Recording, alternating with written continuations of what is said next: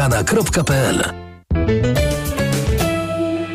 Sponsorem programu jest japońska firma Daikin. Producent pomp ciepła, klimatyzatorów i oczyszczaczy powietrza. www.daikin.pl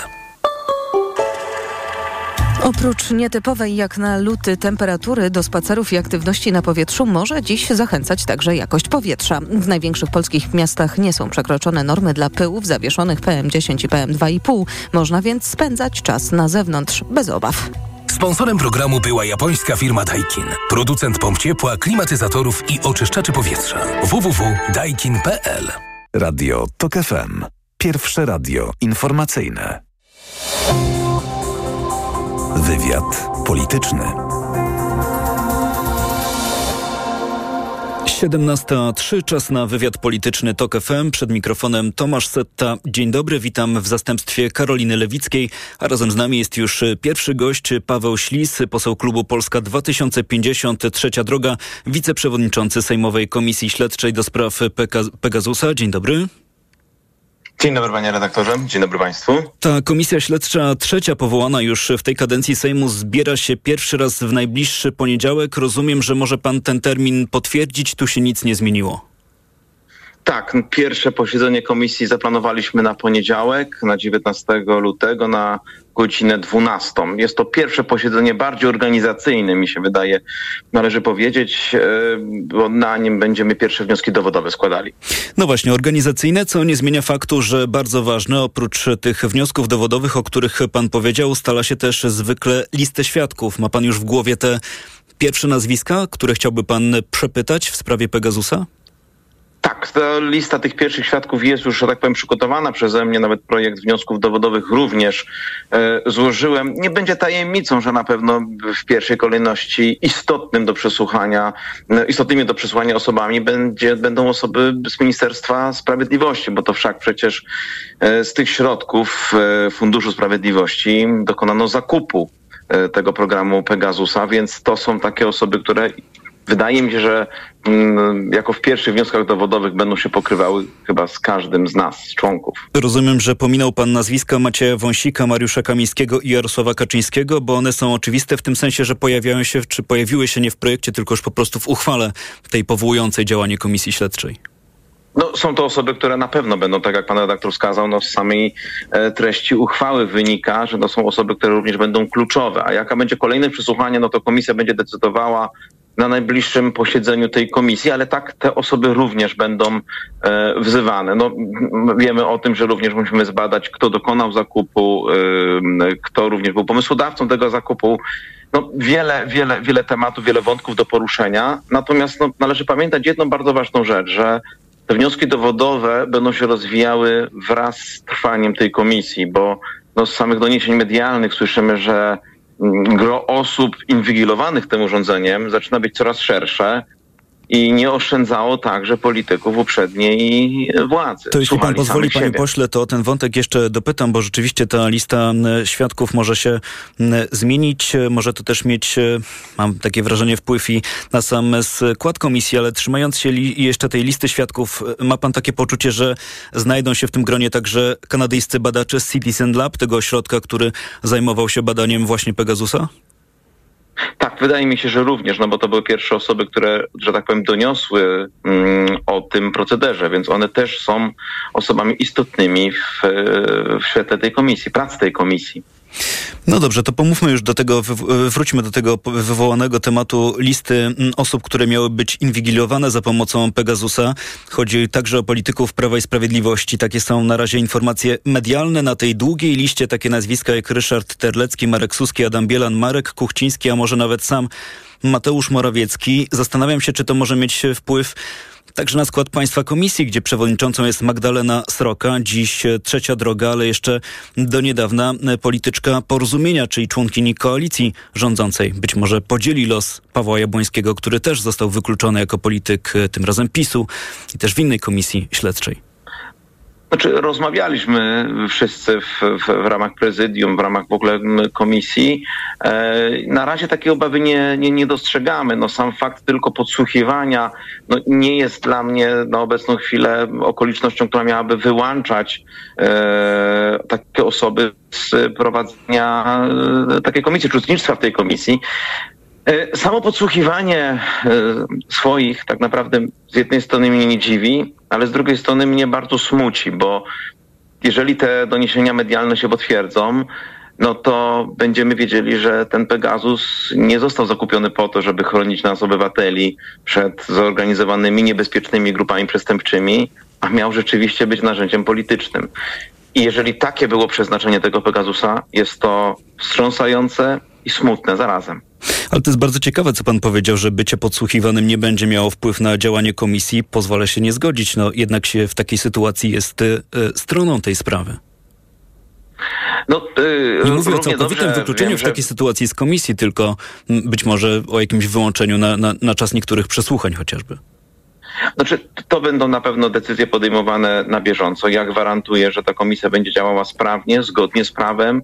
jeżeli zajdą e, okoliczności, które będą powodowały, że dana osoba nie będzie mogła być członkiem komisji, na pewno e, również tak będę, będę stał na straży tego, żeby taka osoba nie uczestniczyła w pracach e, komisji. No, wiem, że mamy podobny przypadek w komisji do spraw wyborów kopertowych, w której chyba obecnie nawet zostały złożone wnioski o wyłączenie części kolejnych członków tej komisji względu na to, że nie przekazali e, informacji e, o danych mieszkańców.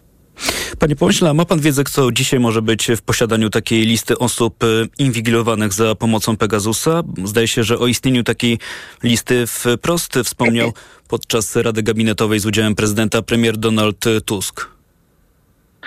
Podejrzewam, że jako premier rządu częściowo tą wiedzę może posiadać, ale my właśnie e, dlatego mm, będziemy, dlatego też na, na początku wywiadu wspomniałem, że te wnioski dowodowe mogą się rozwinąć, bo będziemy zwracać się o poszczególne dokumenty do, mm, do CBA, między innymi do ABW, e, które umożliwią nam zweryfikowanie, kto i tak naprawdę dlaczego był podsłuchiwany. Mam nadzieję, że nam się to uda ustalić. A na ile w Państwa pracach będziecie korzystać z dorobku tej nadzwyczajnej senackiej komisji, która zajmowała się już Pegasusem, albo na ile będziecie korzystać z dorobku takiej specjalnej komisji powołanej w Parlamencie Europejskim? Czy, czy w zasadzie nie będziecie potrzebować tych ustaleń? No bo komisja śledcza, ta sejmowa, działa na zupełnie innych zasadach, ma jednak uprawnienia prokuratorskie i być może dorobek tamtych komisji nie jest potrzebny, bo tutaj trzeba zacząć pracę od nowa. Znaczy ja też uważam, że tutaj trzeba z pracy zacząć od nowa. Natomiast zarówno jeden raport, jak i drugi to są takie raporty dla nas wyjścia, przynajmniej dla mnie. E, to są raporty, na których, e, z których ja bym chciał też w jakiś sposób wychodzić, ale komisja e, sejmowa będzie dokonywała własnych ustaleń. Więc te ustalenia i późniejsze, i późniejsze wnioski, no to będą wnioski ustalenia komisji sejmowej. A pan zgadzając się na to, żeby wejść w skład tej komisji śledczej, wchodzi do niej z przekonaniem, że Pegasus był wykorzystywany w Polsce legalnie czy nielegalnie? Trochę dopytuję w kontekście tego, o czym mówił wczoraj premier Donald Tusk, przedstawiając prezydentowi, że ma w dyspozycji takie dokumenty, które potwierdzają tu właśnie cytat legalne i nielegalne wykorzystywanie Pegasusa. Ja wychodzę z założenia, że ja tutaj w tej komisji chcę wykorzystać swoją wiedzę i e, umiejętności jako adwokat, karny adwokat, który praktykę karną ma od nastu lat. E, I tą wiedzę chciałbym w tej mojej komisji wykorzystać. A ja nie będę na razie oceniał, czy były podsłuchy legalne, czy nielegalne, bo też nie o to chodzi. Nie chodzi o sam akt, fakt wydania przez sąd postanowienia. To jest bardzo skomplikowany proces i wiele okoliczności, które wyjaśnimy w trakcie mm, przesłuchań, jak w trakcie badania bardzo dużo materiału dowodowego w postaci dokumentów e, wykaże, czy w ogóle zakup, a następnie stosowanie w ogóle było legalne. To właśnie ta sprawa, o której rozmawiamy, jest e, wielowątkowa. Zastanawiam się, który wobec tego wątek pana będzie najbardziej interesować w trakcie prac tej komisji. Znaczy ja będę czuwał nad każdym z tych wszystkich etapów, to na pewno, mm, też jako wiceprzewodniczący tej komisji. E, na pewno będziemy musieli zacząć od tego, jak ten program został zakupiony, kto wpadł na pomysł zakupu tego programu, kto negocjował, jak wyglądało później rzeczywiście pozyskanie środków e, i czy przekazanie tych pieniędzy z Funduszu Sprawiedliwości, który przecież ma służyć zupełnie innym celom, na zakup tego programu był zgodny z polskim prawem. No to jest, tak mi się wydaje, pierwsza, najważniejsza rzecz. No a później weryfikacja, czy poszczególne wnioski były rzetelnie składane do sądu, czy sąd wyrażał zgodę na każdym etapie, czy na przykład Pegasus był um, też używany prewencyjnie, dopiero z jakimś czasem później zwracano się do sądu o, o, o wyrażenie zgody na dokonanie takiej inwigilacji, e, a także no, ja bym chciał zweryfikować, czy na przykład sądy wiedziały o tym, że ten program ma y, możliwości wgrywania czegoś y, do telefonów czy do sprzętów. Przecież no, też niestety na razie z doniesień medialnych, no ja nie chciałbym tutaj forować żadnych tez, ale z doniesień medialnych wiemy, że na telefon y, jednego z istotnych polityków ówczesnej opozycji zostały wgrane jakieś, e, jakieś wiadomości.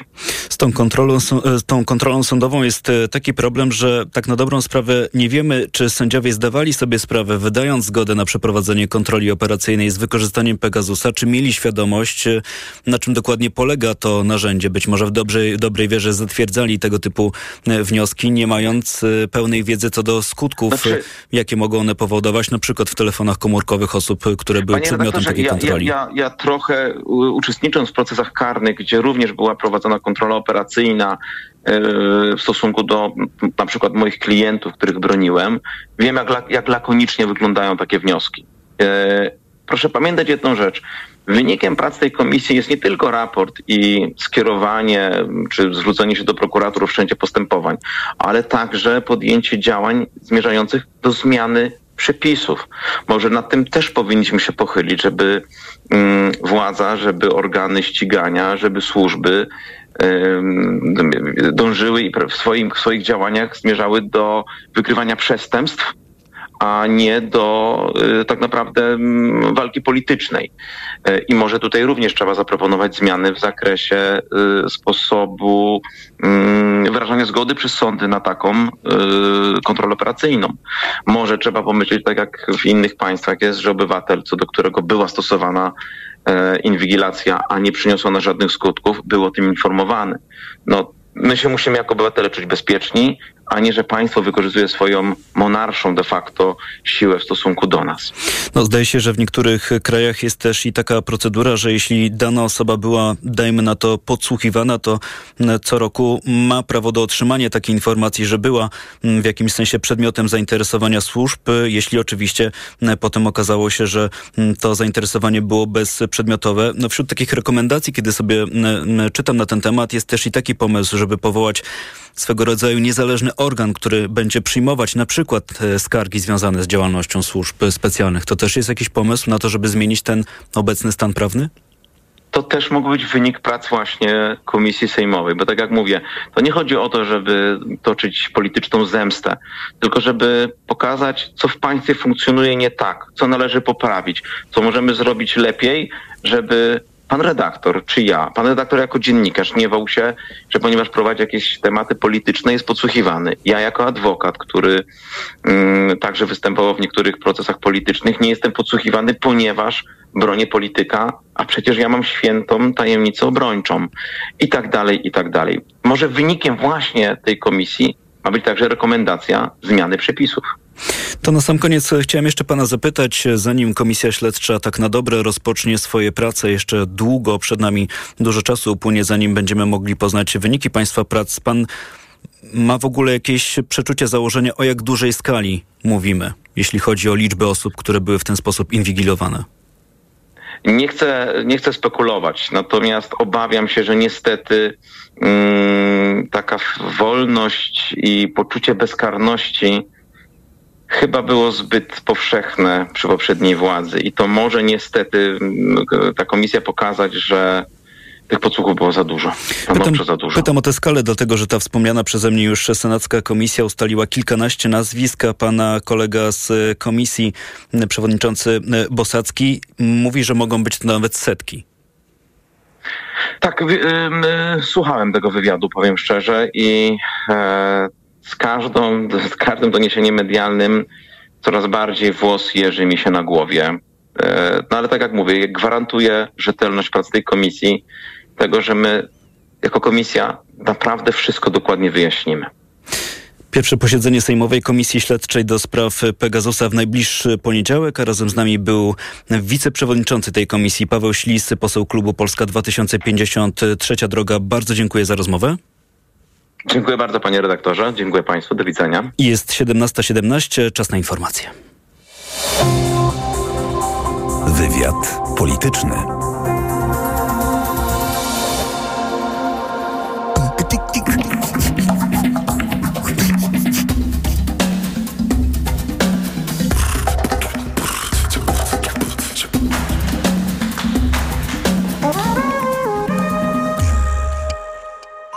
Autopromocja.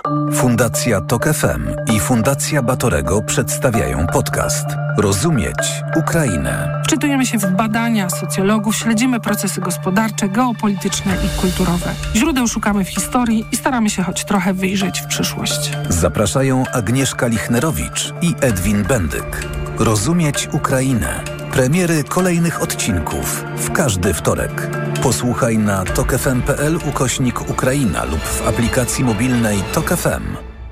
Autopromocja. Reklama. Wielka wyprzedaż świata Professional trwa. Wybierz legendarny Ducato. Jeden z najlepiej sprzedających się samochodów dostawczych w Polsce.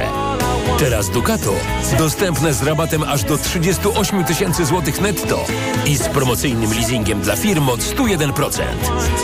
Szczegóły w najbliższym salonie lub na fiatprofessional.pl Ducato dostępne również w wersji w pełni elektrycznej.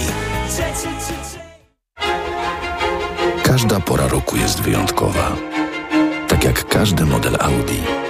I tak jak legendarny napęd Quattro, który sprawdza się na drodze już od 40 lat o każdej porze i w każdych warunkach.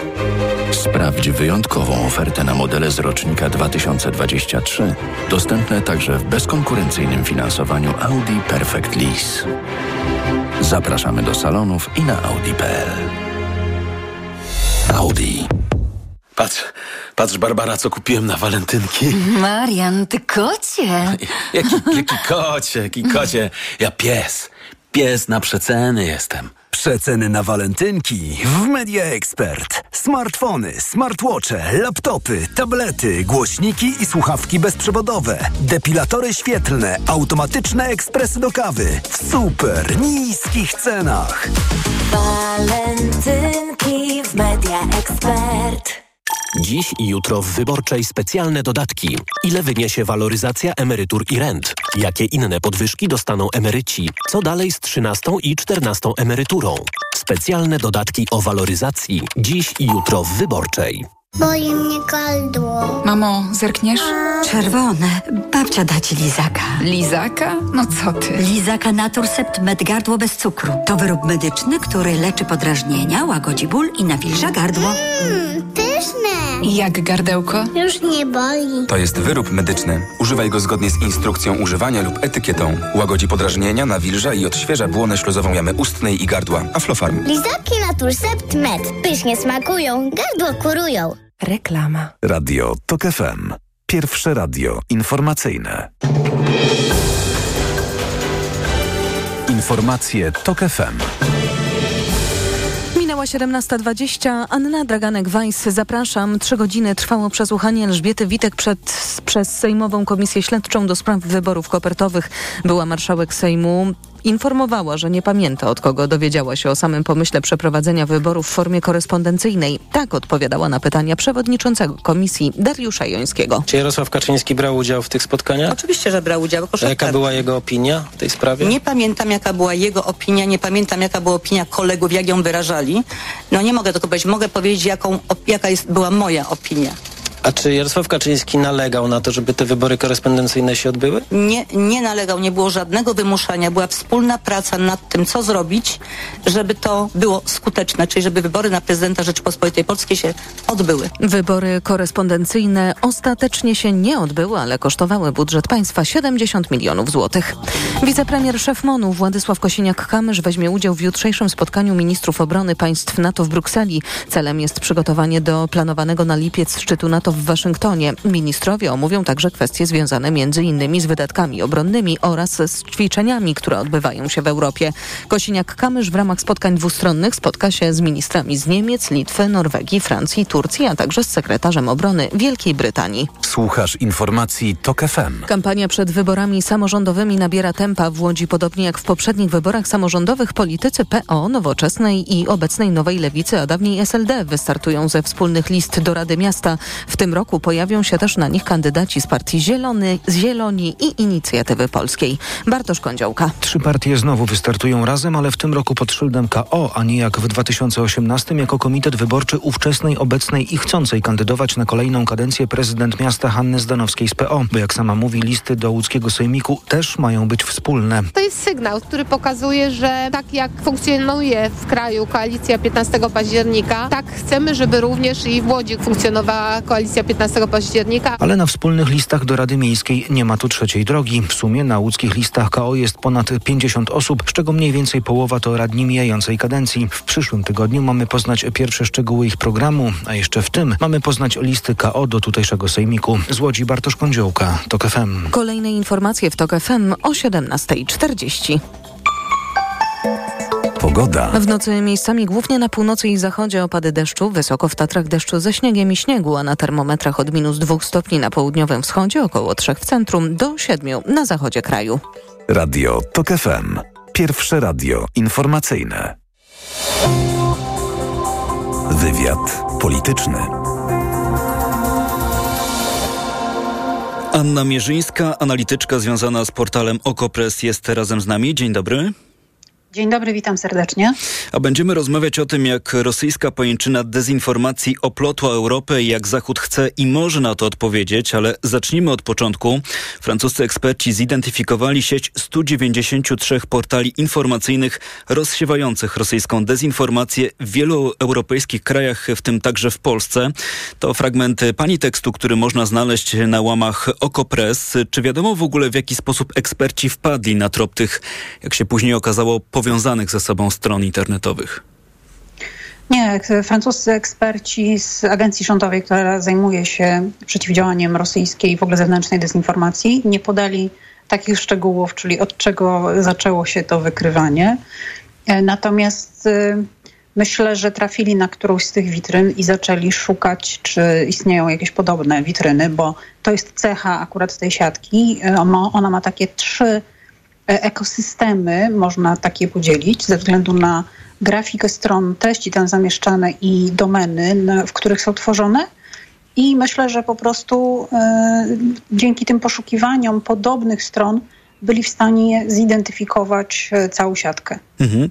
Mówimy o bardzo dużej liczbie portali, 193, prawie 200. Czy wiemy cokolwiek o popularności tych stron internetowych? Jak dużo użytkowników było w jakikolwiek sposób przekierowywanych na tego typu treści?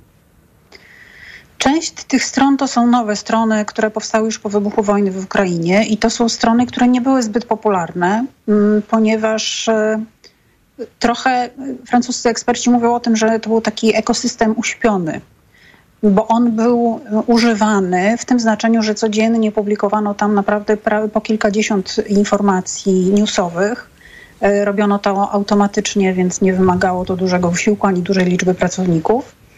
I e, więc cały czas te strony były aktualizowane i odświeżane. Natomiast nie mm, angażowano zbyt dużych sił w ich rozpowszechnianie w sieci, więc dlatego mówimy o tym, że to jest taki ekosystem uśpiony, ponieważ Rosjanie mają oczywiście ogromne możliwości do tego, żeby budować zasięgi takim witrynom. Jeżeli tego nie robią, to znaczy, że w danym momencie z tego ekosystemu w pełni nie korzystają, ale on jest przygotowany do tego, żeby w jakiejś sytuacji, w której okażą się potrzebne, natychmiast z nich skorzystać. Mhm. A do kogo w ogóle były skierowane te treści? Czy one były skierowane na przykład do obywateli polskich, bo były to strony w języku polskim? Czy na przykład były to treści z myślą o mieszkańcach krajów Europy Zachodniej, bo to właśnie były teksty napisane w ich języku? Czy chodzi na przykład o komunikaty kierowane no chociażby do obywateli Ukrainy, którzy uciekli ze, z, z Ukrainy po wybuchu wojny i tam mogli znaleźć informacje, no właśnie takie, które by osłabiało to to morale ukraińskich obywateli?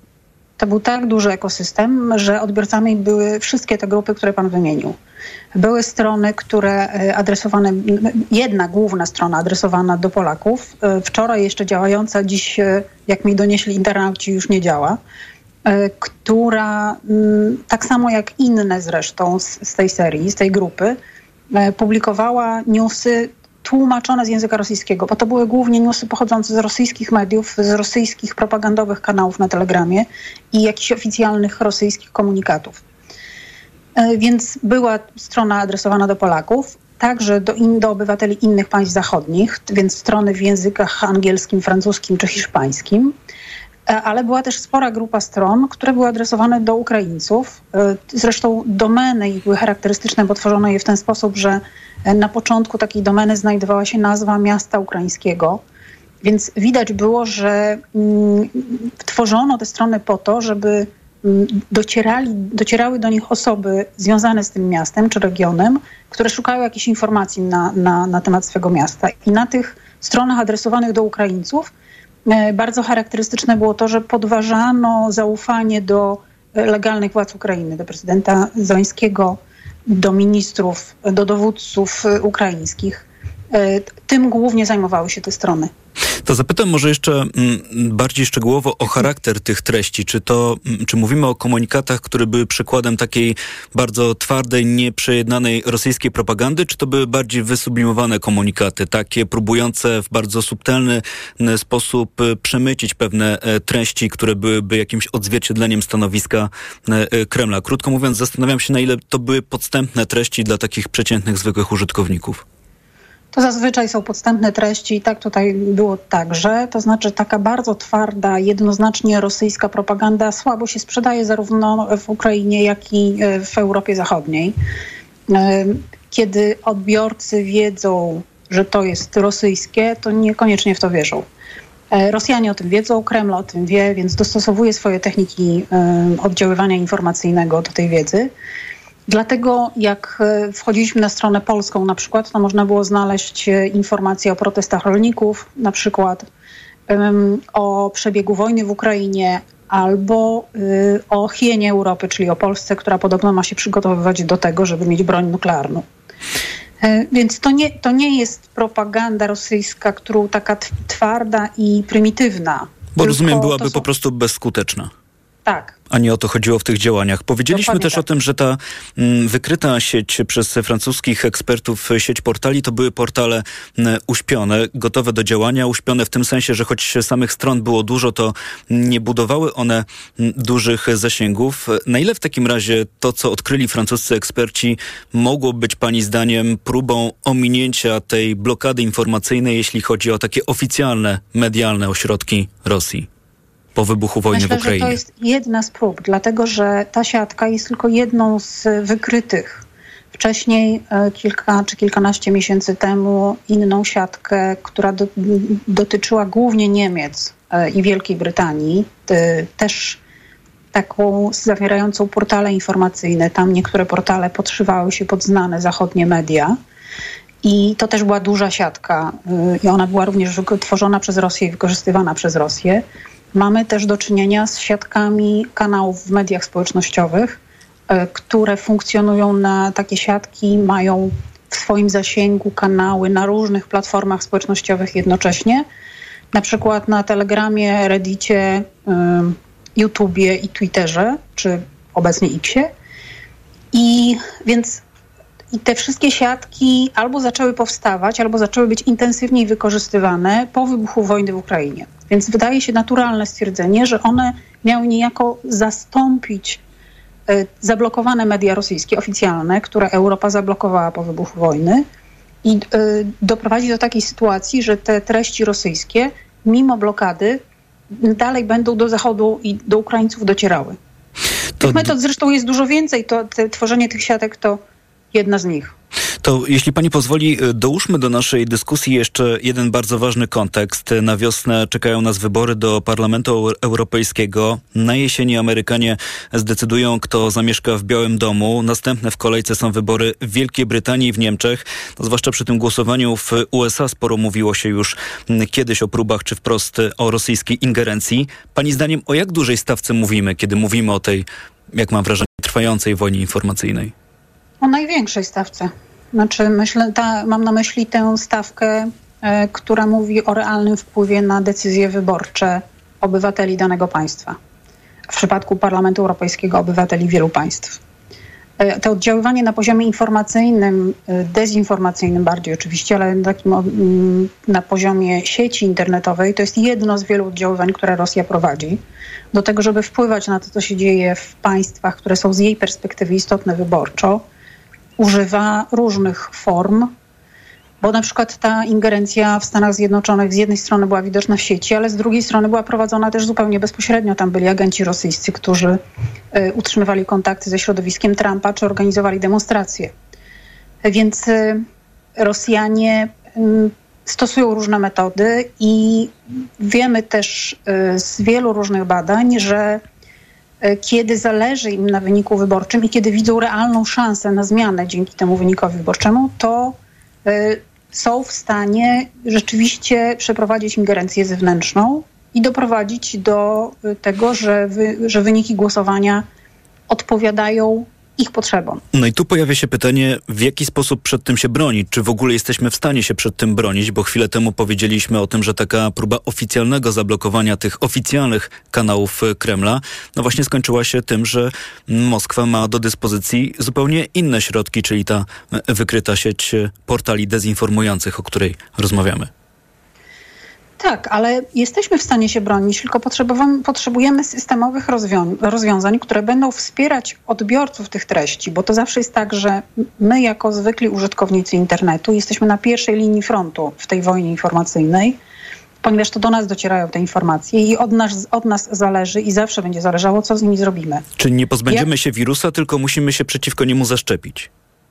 Tak, i rzeczywiście dokładnie e, o szczepieniach przeciwko dezinformacji od ładnych kilku lat mówi się e, we wszystkich poważnych ciałach eksperckich, które się tym zajmują. Oczywiście mają tu swoją rolę do odegrania także platformy społecznościowe.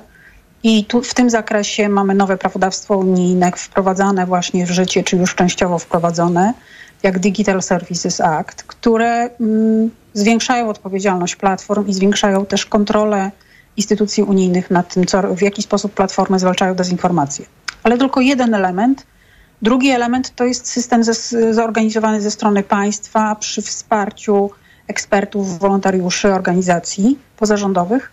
W Polsce takiego systemu na razie nie ma.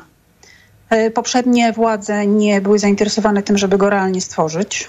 No w tej chwili jesteśmy właśnie świeżo po deklaracji ministrów spraw zagranicznych Polski, Francji i Niemiec w tym Układzie Trójkąta Weimarskiego o tym, że te trzy państwa będą tworzyć wspólny system zwalczający dezinformację rosyjską. No Tylko, że czasu jest niewiele nadzieję. do tych wyborów, o których teraz sobie powiedzieliśmy. Tak, czasu jest niewiele. Francja i Niemcy mają dużo bardziej zaawansowane rozwiązania pod tym względem niż Polska. Czy w Polsce uda się coś zrobić przed wyborami do Europarlamentu? Bardzo bym chciała, ale nie jestem pewna, czy to, się, czy to będzie możliwe. O tym wszystkim opowiadała Państwu Anna Mierzyńska, analityczka związana z portalem Okopres. Bardzo dziękuję za rozmowę. Dziękuję również.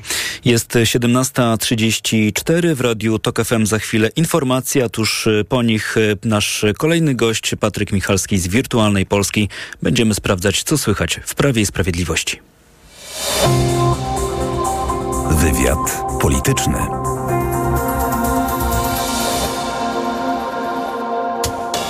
Listy numer 4 zgłoszone przez Komitet Wyborczy Prawo i Sprawiedliwość oddano 35,38%. Czwarte zwycięstwo w dziełach naszej partii. Czwarte zwycięstwo w wyborach parlamentarnych. To jest naprawdę wielki sukces. No ale oczywiście przed nami jeszcze stoi pytanie o to, czy ten sukces będzie można zmienić w kolejną kadencję naszej władzy. I tego jeszcze w tej chwili nie wiemy.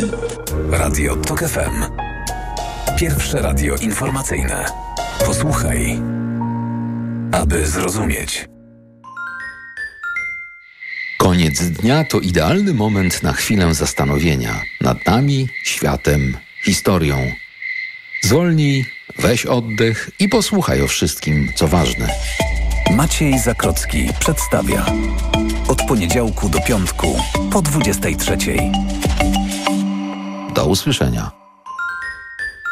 Reklama. RTV Euro AGD. Czyszczenie magazynów w euro. Wielka kulminacja produktów w przecenie. Kulec Samsung 65 cali. Najniższa teraz ostatnich 30 dni przed obniżką to 4699. Teraz za 4499 zł. I aż 30 rat 0% na cały asortyment. Z wyłączeniem produktów Apple. I do czerwca nie płacisz. RRSO 0%. Promocja ratalna tylko do jutra. Szczegóły i regulamin w sklepach i na euro.com.pl. Kochanie, kupiłaś patyczki do uszu? Nie, polecono mi coś innego. Spray do czyszczenia uszu Akustone. Zawiera aż trzy naturalne oleje, dzięki czemu Akustone szybko rozpuszcza i pomaga usunąć zalegającą woskowinę. Słusznie, od razu słyszę poprawy. Akustone to najlepszy sposób na czyszczenie uszu. Akustone. Słuszny wybór. To jest wyrób medyczny. Używaj go zgodnie z instrukcją używania lub etykietą. Akustone rozpuszcza zalegającą woskowinę, przeciwdziała powstawaniu korków woskowinowych lub zaleganiu wody w przewodzie słuchowym. Aflofarm. Dziś i jutro w Wyborczej specjalne dodatki. Ile wyniesie waloryzacja emerytur i rent? Jakie inne podwyżki dostaną emeryci? Co dalej z 13 i 14 emeryturą? Specjalne dodatki o waloryzacji. Dziś i jutro w Wyborczej. Stosujesz kapsułki wspierające zdrowie wątroby?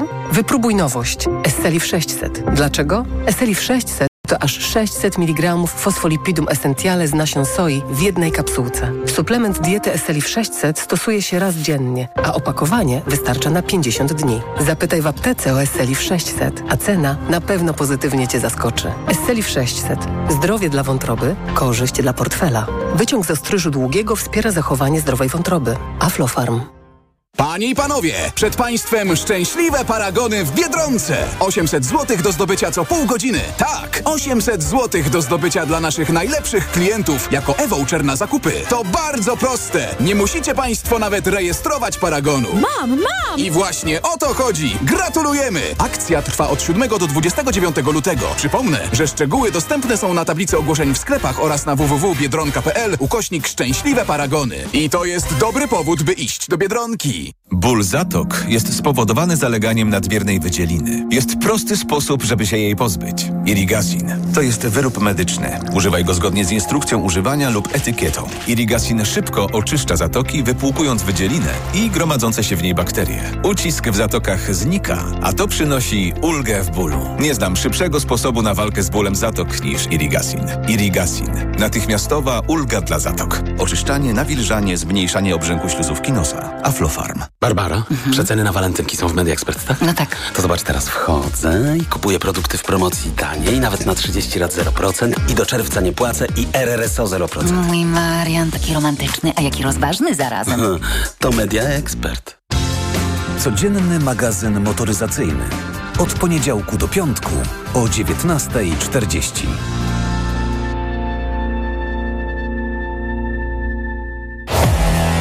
Sponsorem audycji jest Mio, producent kamer samochodowych z trzyletnią gwarancją. Co można kupić za 40 groszy? Dwie kostki czekolady, pół jajka albo dzienną porcję witamin i minerałów, bo tylko tyle kosztuje jedna tabletka ActiVitaminer Senior D3. Suplementy diety ActiVitaminer Senior D3 to witaminy i minerały wzbogacone aż o 2000 jednostek witaminy D3, tak potrzebnej jesienią i zimą. ActiVitaminer Senior D3 znajdziesz w swojej aptece w bardzo dobrej cenie. Witamina D pomaga w prawidłowym funkcjonowaniu układu odpornościowego. Aflofarm. Więcej na vitaminer.pl. Reklama. Radio TOK FM. Pierwsze radio informacyjne. Informacje TOK FM. Minęła 17.40. Anna Draganek-Weiss, zapraszam. Każda instytucja, w której dzieci przebywają bez opiekunów, będzie musiała mieć standardy ochrony małoletnich. To zasady, które jasno określają, kto i kiedy ma zareagować, gdy dziecko jest krzywdzone.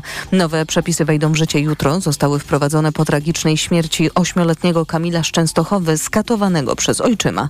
Małgorzata Waszkiewicz. Pracownik instytucji przed dopuszczeniem do pracy z dziećmi będzie sprawdzany, czy nie jest karany za przestępstwa seksualne. Szkoły, przedszkola i żłobki muszą wypracować ścieżki reagowania na krzywdzenie dzieci. To nie może być dokument, który trafi do szuflady, mówi Justyna Podlewska z Fundacji Dajemy Dzieciom Siłę. Niech nie będą czymś, co kupimy. Zrobimy tak, żeby po prostu były, żeby się od nas odczepiono i wdróżmy odpowiednie standardy reagowania. Wskażmy osobę, która będzie reagować. Mamy teraz lepsze narzędzia, żeby chronić dzieci i trzeba to wykorzystać, mówi Joanna Kowalska, prawniczka z Centrum Pomocy Dzieciom we Wrocławiu. Z jednej strony są przepisy, a z drugiej strony jest ich funkcjonowanie. Natomiast system ochrony dzieci to nie są tylko organy, instytucje i procedury. System ochrony dzieci to jest każdy z nas. Organizacje społeczne szacują, że rocznie w wyniku krzywdzenia umiera 30 dzieci. Małgorzata Waszkiewicz, TOK FM. Unia Europejska nie jest w stanie obronić Europy, ostrzegł sekretarz generalny NATO w wywiadzie dla agencji Reutera. Jens Stoltenberg stwierdził, że 80% wydatków obronnych sojuszu pochodzi od sojuszników z NATO nie należących do Unii.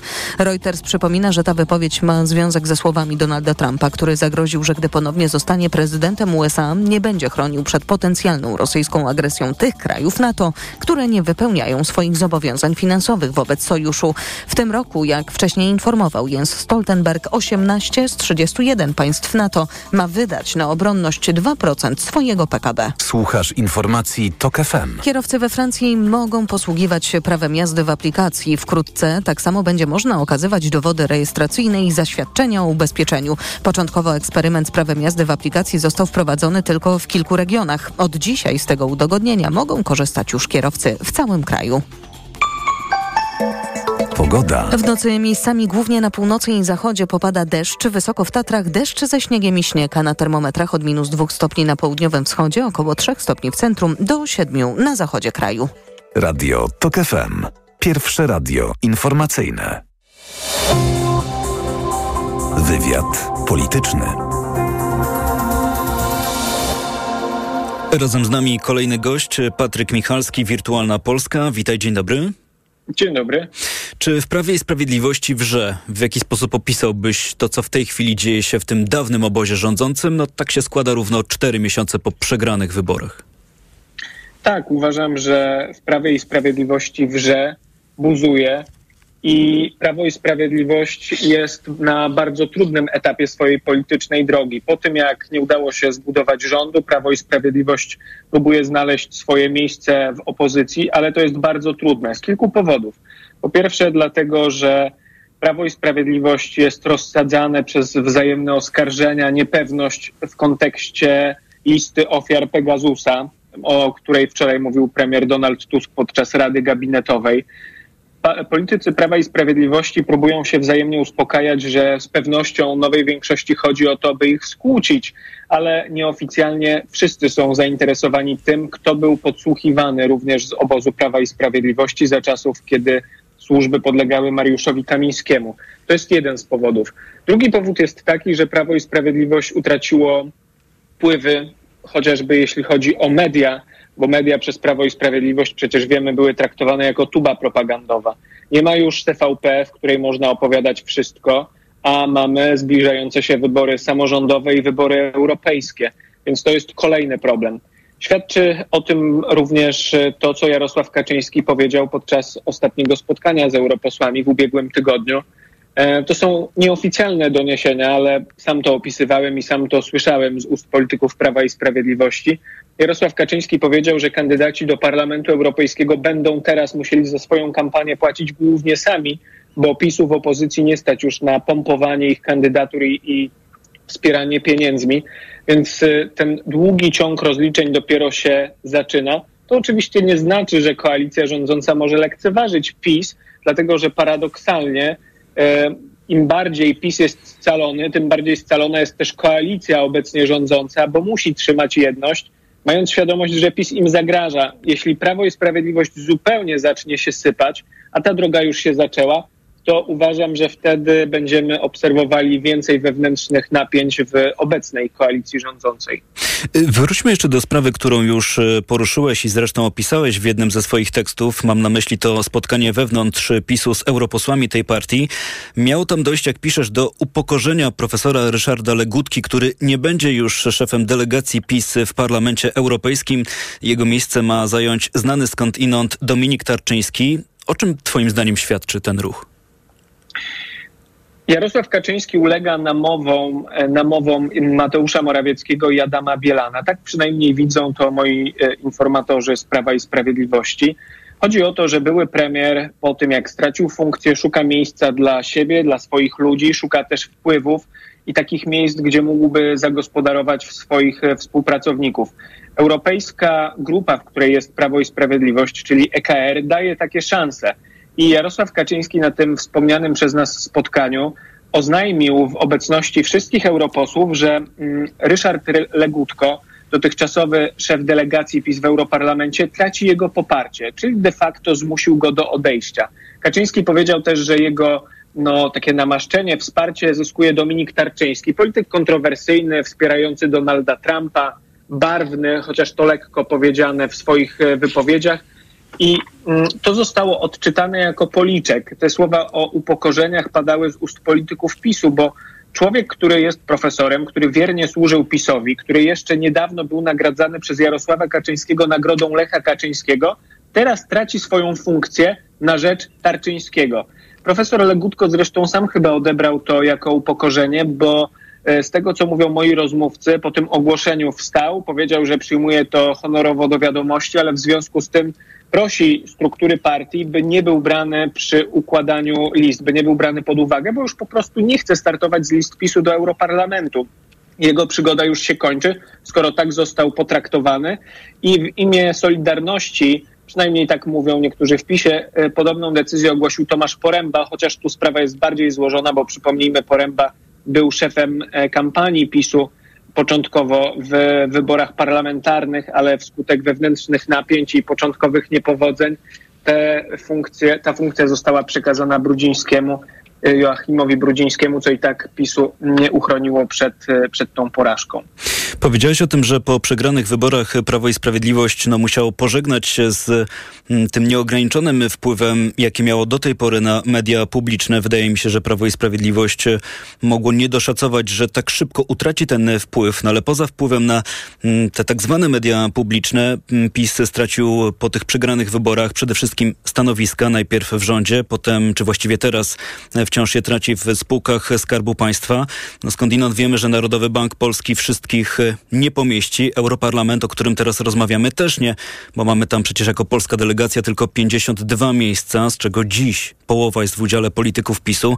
No teraz zdaje się, że po tych wiosennych eurowyborach ten kawałek tortu może być znacznie mniejszy. Mam rozumieć, że to będzie jeszcze tylko wzmagać to wrzenie, o którym dzisiaj rozmawiamy?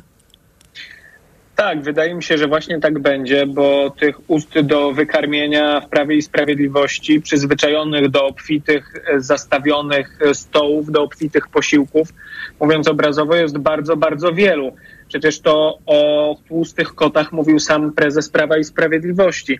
Te standardy przez 8 lat e, rządów, kiedy ma się dostęp nieograniczony do zasobów państwa, E, jest e, czymś, do czego łatwo jest się przyzwyczaić, trudno jest się przyzwyczaić do lat chudych, więc to będzie przyspieszało erozję wewnątrz Prawa i Sprawiedliwości. No chyba, że Prawo i Sprawiedliwość otrząśnie się, na razie nic na to nie wskazuje, ale pojedyncze głosy wewnątrz obozu prawicy pojawiają się, że PiS musi stanąć na nogi, a tym sposobem, żeby stanąć na nogi, będzie tylko ciężka praca i odejście od ciągłego oskarżania premiera Tuska o proniemieckość i te zarzuty powtarzane niemal jak przez Katarynkę w kampanii parlamentarnej. Teraz one są przenoszone do kampanii e, samorządowej, później pewnie pojawią się przy okazji eurowyborów. Tą drogą Prawo i Sprawiedliwość e, na razie jednak idzie. No i zobaczmy, że to już się nie podoba części tego obozu. Były minister rolnictwa, myślę tutaj o ministrze Ardanowskim, mówi wprost, że Jarosław Kaczyński nie ma wiedzy, pełnej wiedzy o tym, jak wyglądają, jak on to mówi, polskie sprawy, bo kierownictwo PiSu przed nim to ukrywa. e, krytykuje też działania Prawa i Sprawiedliwości, że lekceważone były chociażby te głosy dotyczące rolników i powtarza też znany zarzut, że Jarosław Kaczyński myślił, myślał, że e, rolników uda się przekupić, że uda się transferami społecznymi doprowadzić do tego, że wieś zagłosuje na PiS. Tak się jednak nie stało. I teraz obserwujemy trend, który jest charakterystyczny zaraz po przejęciu władzy przez nową ekipę, to znaczy zyskują partie rządzące. To one w tym momencie mają więcej czasu na to, by mówić o swoich pomysłach, projektach. No i Prawo i Sprawiedliwość e, w najbliższych latach czekają lata chude i tak prognozuje nie tylko ja, ale również sam e, były minister Ardanowski, który mówi o tym wprost. Pytanie, jak długo politycy PiSu będą e, udawali, że tego nie widzą. No, tego, tego jeszcze nie wiemy. No właśnie, e, chciałem się odwołać do tej twojej intuicji, także tej e, politycznej, w którą stronę zmierza Prawo i, Prawo i Sprawiedliwość, bo tak uparcie trzymam się tej, tego swojego porównania, że mówimy o wrzeniu. No, kiedyś ta para musi znaleźć jakieś ujście, kiedyś ta pokrywka musi spaść. Pytanie, co jest na końcu tej, tej drogi? Myślę, że to będzie partia złożona, nowa partia, chociaż nie przewiduję, że to się stanie koniecznie w tej kadencji. Ale myślę, że po serii porażek, jeśli to się rzeczywiście ziści, jeśli Prawo i Sprawiedliwość nie znajdzie sposobu na to, żeby odwrócić ten trend, to będzie musiało zmienić szyld, będzie musiało zmienić przywództwo i e, coraz więcej polityków Prawa i Sprawiedliwości zauważa, że Jarosław Kaczyński idzie w taką drogę i ciągnie partię w tę stronę, której nie chce spora część działaczy PiSu. To znaczy radykalizuje się, stawia na najbardziej radykalne twarze, takie jak Dominik Tarczyński. Sam prezes PiSu postrzegany przez ostatnie lata przez wielu publicystów, przez opinię publiczną jako, cytuję, często określany mianem e, inteligenta z Żoliborza, no, mówi e, dość e, agresywnie, brutalnie, brzydko do ludzi, którzy owszem, atakują go, ale on jako polityk, jako prezes partii, jako były wicepremier nie powinien wdawać się w takie słowne potyczki i używać e, nieeleganckich określeń, a jednak w tę stronę idzie. I widzimy, że aktyw partyjny próbuje go nawet czasami przed tym chronić. Ja zauważyłem przy ostatniej akcji próbę wprowadzenia e, byłych posłów Wąsika i Kamińskiego, jak Robert Telus, były minister rolnictwa, łapie Jarosława Kaczyńskiego za rękę, kiedy ten odwraca się do kogoś, kto go jakoś słownie zaczepia i mówi do Jarosława Kaczyńskiego, że nie warto. Panie prezesie, będą to pokazywać. Więc widać, że aktyw partyjny próbuje trzymać Jarosława Kaczyńskiego za rękę i bo zdaje sobie sprawę, że ta droga, którą Kaczyński idzie, może ich prowadzić na manowce. Zostało nam jeszcze trochę czasu, więc pomówmy krótko o jeszcze jednej sprawie. Twój redakcyjny kolega Szymon Jadczak pisze dziś na łamach Wirtualnej Polski o nieruchomościach Daniela Obajtka. No w dużym skrócie sprawa przedstawia się tak, że majątek byłego już prezesa Orlenu po wyborach został przepisany na jego syna, a teraz znów w jakimś sensie te nieruchomości wracają do Daniela Obajtka, dokładniej do powołanej przez niego fundacji rodzinnej. O co chodzi w tej sprawie? To znaczy, czemu ma służyć ta operacja? Szymon Jadczak i Paweł Figurski z Wirtualnej Polski śledzą ruchy, które mają miejsce w księgach wieczystych Daniela Obajtka i zwracają uwagę, że w przypadku prezesa Orlenu, teraz już byłego prezesa Orlenu, e, ta transparentność, no, nie da się jej tutaj zaobserwować, mówiąc bardzo oględnie. Daniel Obajtek przepisywał e, swój majątek, przekazywał swój majątek synowi i wydawałoby się, że to jego prywatna sprawa, ale chyba jednak e, musiał mieć tutaj jakieś intencje, jeśli decyduje się na odwrócenie tego ruchu niedługo po tym, kiedy przestaje być albo zaczyna się żegnać, czy ma świadomość, że żegna się z, prezesur, z prezesurą w Orlenie. I ten tekst jest zwróceniem uwagi na to, jak ludzie Prawa i Sprawiedliwości, jak człowiek bliski temu obozowi, którego Jarosław Kaczyński nazywał przecież Danielem Wszystko Mogę Obajtkiem, żongluje swoim majątkiem. I to jest pytanie o to, na ile skuteczne będzie państwo, by e, wymusić prawem e, transparentność dochodów w przypadku osób, które dorabiają się w tak wielkich państwowych spółkach, które pomnażają swój majątek, szczególnie jeśli, tak jak w przypadku Daniela Obajtka, jego decyzje, chociażby ta główna dotycząca fuzji Orlenu i Lotosu, budzą tak gigantyczne emocje.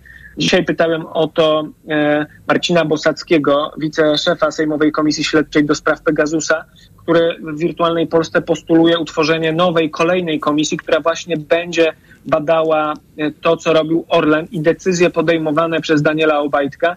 I e, poseł Bosacki chciałby też, żeby ta komisja przyjrzała się majątkowi Daniela Obajtka i tego, w jaki sposób e, on był pomnażany i w jaki sposób były prezes Orlenu, wydaje się, że próbował ukrywać co tak naprawdę ma i co zgromadził przez ostatnie lata. No tak, tylko tu zawsze pojawia się pytanie, które mam z tyłu głowy, czy komisja śledcza jest remedium na każdą sprawę, którą chce rozwiązać w danej sytuacji parlament. Wydaje się, że komisje śledcze są pomyślane w ten sposób, żeby wkraczać w cudzysłowie do akcji dopiero wtedy, kiedy dana sprawa jest na tyle skomplikowana, że wymyka się takim tradycyjnym ścieżkom, wymyka się organom śledczym. Pytanie, czy tu nie powinna być zachowana ta kolejność? Zresztą wiemy, że w sprawie tego, co działo się w Orlenie, toczą się już śledztwa prokuratorskie. Być może dopiero w kolejnym kroku mogłaby się okazać potrzebna komisja śledcza. To tu jesteśmy w pełni zgodni, bo prokuratura, jeśli znajdzie podstawy, to powinna się oczywiście tym zająć e, w pierwszej kolejności. Natomiast e, Daniel Obajtek budził tyle emocji, że ewentualna komisja śledcza mogłaby zadośćuczynić takim publicznym e, wyjaśnieniom, chęci wyjaśnienia tej sprawy. Myślę, że taka komisja mogłaby mm, zgromadzić część osób zainteresowanych tym, w jaki sposób Daniel Obajtek w ciągu ostatnich lat stał się jedną z najbardziej wpływowych osób pogranicza polskiej polityki i biznesu e, i w jaki sposób do tego doszło, jak Prawo i Sprawiedliwość, czy i jak Prawo i Sprawiedliwość ewentualnie pisało pod niego prawo, Musimy po kończyć. to, by, by mógł sprawować swoją funkcję. Patryk Michalski, Wirtualna Polska, bardzo dziękuję Ci za tę rozmowę. Dziękuję. Program wydawał Tomasz Krzemiński, realizował Adam Szuraj. Również bardzo dziękuję, a za chwilę informacyjne podsumowanie dnia i TOK 360, na które dziś zaprasza Adam Ozga. Tomasz Setta, spokojnego wieczoru Państwu życzę i do usłyszenia. Wywiad polityczny.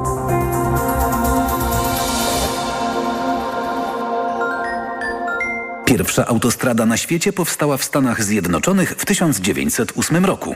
Drugie były Włochy, a Niemcy dopiero trzecie. Owczarek. Od poniedziałku do piątku od dziesiątej. Reklama. Technologia bliska sercu w MediaMarkt. Głośnik Bluetooth JBL Charge 5. Taniej o 70 zł. Najniższa cena przed obniżką 649 zł. Teraz za 579 zł. A smartfon Motorola Edge 40. Taniej o 200 zł. Najniższa cena przed obniżką 1599 zł. Teraz za 1399 zł. Dostępne też w 40 ratach. RRSO 0%. I do sierpnia nie płacisz. Kredyt udziela Bank BNP Paribas po analizie kredytowej. Szczegóły w sklepach i na MediaMarkt.pl. MediaMarkt. Przepraszam, coś pani zgubiła. Mój magnes, bardzo dziękuję. Suplement diety